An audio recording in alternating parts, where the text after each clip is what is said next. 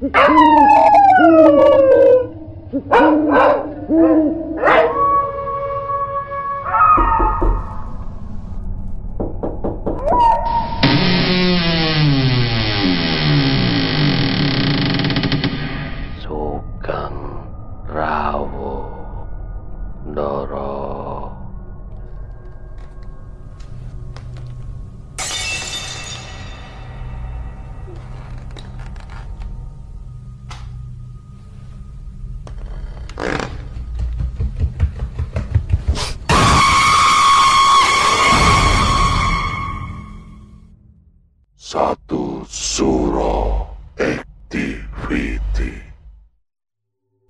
Assalamualaikum warahmatullahi wabarakatuh.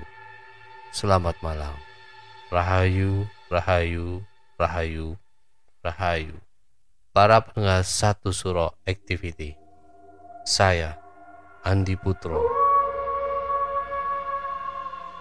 Para pendengar Pada malam hari ini Ada dua kisah mistis Dari Ajeng Aulia dan Putri Selamat mendengarkan. Cerita pertama dari Ajeng. Kisah di kos selama dia kuliah.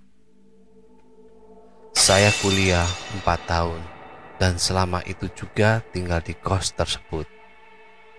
For your information, kos saya nyatu dengan rumah pemilik kos.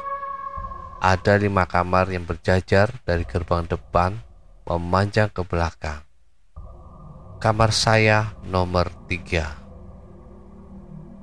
Saat itu masih semester 2.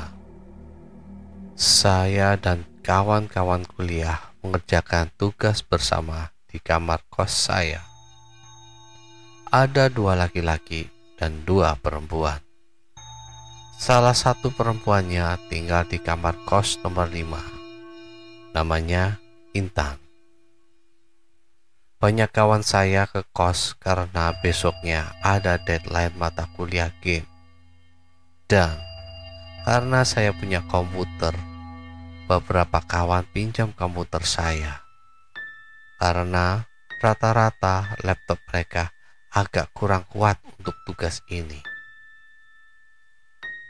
Sampai tengah malam, kami masih mengerjakan tugas. Yang laki-laki sudah pulang sisa dua orang perempuan di kamar saya, termasuk Intan yang ngekos di situ. Jam 12 malam, hujan badai dan angin. Namun, ada dua teman saya lainnya yang ngechat ingin pinjam komputer. Mereka menerjang badai dan mengetuk gerbang kecil. Mereka menunggu agak lama sampai akhirnya gerbang dibukakan bapak kos. Kawan saya Intan sempat keluar kamar untuk mengecek mereka. Saat dua teman saya yang baru datang masuk ke kamar, Nita salah satu dari mereka bertanya, "Loh, Fani mana?" Fani adalah teman sekelas yang lain, tapi tidak datang sama sekali di hari itu. Saya jawab aja, nggak ada. Nita dan kawannya bersikuku melihat Fani keluar dari kamar saya pas mereka ketok-ketok gerbang. Sebelum Intan keluar mengecek mereka, mereka bilang Fanny melihat mereka sesaat, lalu masuk ke kamar kosan nomor dua. Sayangnya, saya tidak terlalu dekat dengan pemilik kamar nomor dua. Dan gak mungkin saya biarkan Fanny sembarangan masuk ke sana. Nita memang sensitif dengan hal beginian.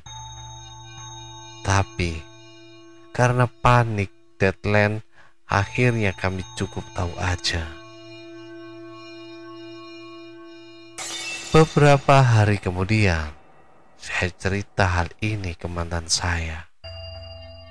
mantan saya malah berkata, Loh, pas hari itu kan aku datang juga ke kosmu maghrib-maghrib. Antar roti bakar buat kalian. Fani ada kok. Dia keluar kamarmu, terus pas aku panggil dia, dia malah senyum-senyum doang. Bukannya nyamperin aku. Dia malah masuk kamar depanmu. Kamar nomor dua. Habis itu baru kamu keluar ambil rotinya. Lah, di situ saya cuma bisa bengong. Jadi pada hari insiden, memang mantan saya datang pas maghrib. Cuma saya nggak expect dia bakal lihat Fanny. Wahai roh halus, kenapa kamu senang banget menyamar jadi kawan aku, Fanny? Saya cuma bisa senyum-senyum dengar cerita mantan mengenai Fanny. Kebetulan ya agak creepy ceritanya. Skip ke semester 7. Saat itu saya mau pergi dengan Nita. Kawan yang sama yang waktu itu datang tengah malam di hujan badai. Posisi saya masih di kamar kos dan 10 menit sebelum ke kos dia, saya telepon untuk konfirmasi kalau saya mau OTW. Pas sampai di kosan dia, Nita tanya, Kamu kok sendiri? Fani kamu tinggal di kos sendirian?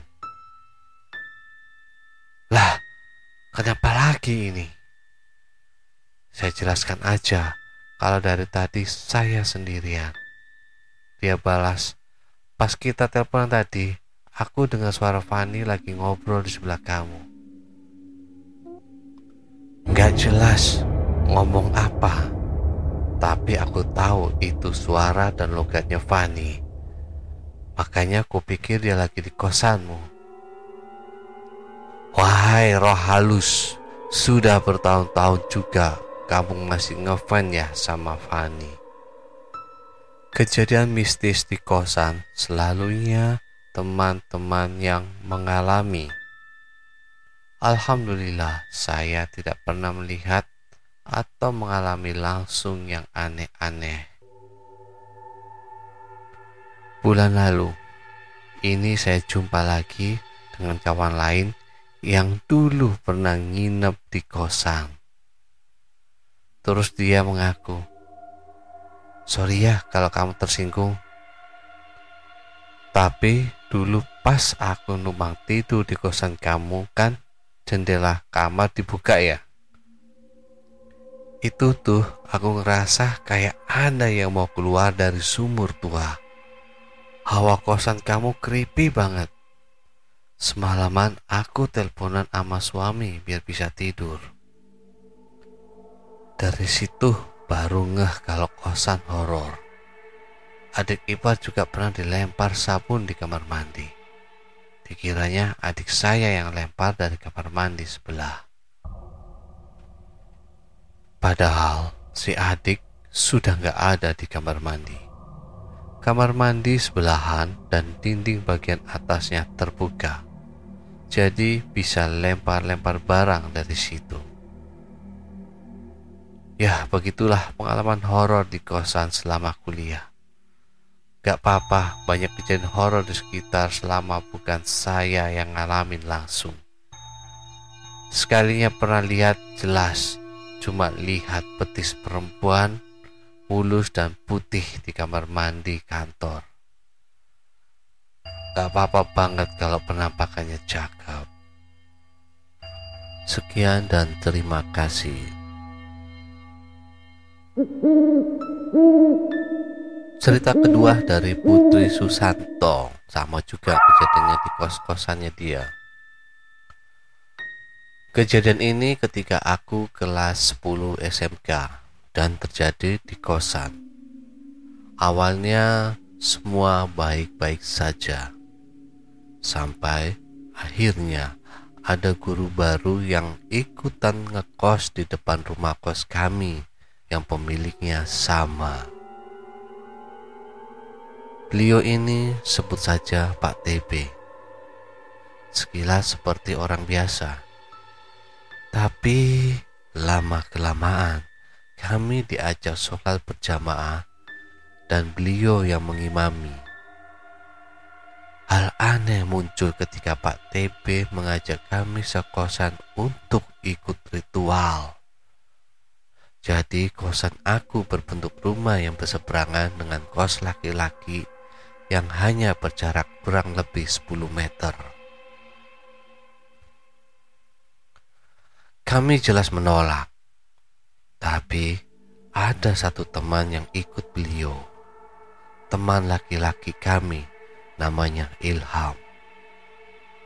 Pas aku tahu dia ikut ritual itu, aku nangis. Aku takut terjadi sesuatu sama teman-teman karena kami seangkatan yang pertama ngekos di situ. Gak ada senior sebelumnya. Aku ngadu sama mama tentang semuanya. Jadi besoknya mama sama sepupu ke kosan dan nginep. Anyway, kami bersembilan cewek semua dan kos depan tiga cowok plus guru. Mama masih di ruang TV sampai malam. Pas pagi, mama bilang kalau mos aku jalan. Nah, mos itu kan kabelnya di depan. Tapi dia jalannya mundur. Mama sempat liatin dia jalan terus berhenti. Habis itu mama langsung tidur gak berani di ruang TV. Mama kan ke kos aku sama supunya cowok. Dia juga cerita ke aku pas malam dia tidur sambil nonton TV. Tiba-tiba ada yang matiin TV-nya pakai remote cewek baju biru. Ya, memang ini kos cewek wajar aja.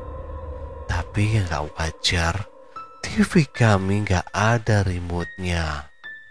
Aduh sumpah aku merinding nulis ini. Aku sempat gak percaya. Tapi kalau dilihat dari lampu kecil di TV itu, aku baru sadar Ya, memang kalau matiin pakai remote lampunya bakal nyala. Selama ini kita matiin dan nyalain TV pakai tombol di TV-nya aja. Dan gak nyala dong lampu sensornya. Terus aku sampai tanyain mereka, ada yang pakai baju biru apa enggak tadi malam? Dari pengakuan mereka, gak ada yang pakai baju biru dong. Sekarang kosan itu udah dijual dan dijadiin rumah baru untuk direnov. Sebenarnya banyak kejadian serem di kos. Aku selama sekolah termasuk sering pindah. Kelas 10 di Pak Sakum, kelas 2 di Jalan Pabian Ilir, kelas 3 di Ibu Okip, pas PKL Prakerin pernah ngekos di belakang gua Sunyaragi pas kerja di MCL daerah Nabati, Karawang. Terakhir pas kuliah ngekos di depan Unwil. Kapan-kapan aku cerita lagi deh, tapi sekarang segitu dulu ya. Kok diceritain semua panjang banget. Sekian dan terima kasih. Para pendengar, Itulah tadi dua kisah mistis perihal kosan dari Diajeng dan Putri. Beberapa tempat kos terkadang ada yang bikin merinding, singup sehingga kemungkinan makhluk tak kasat mata ada di situ. Para pendengar, apakah kalian pernah mengalami hal serupa? Tulis di kolom komentar. Para sahabat satu suro activity, tinggalkan catatan doa kalian di kolom komentar, like, subscribe, dan bunyikan lonceng keramatnya. Para sahabat satu surah activity, tetaplah iling lan waspodo. Assalamualaikum warahmatullahi wabarakatuh. Salam, salam, salam. Rahayu, rahayu, rahayu.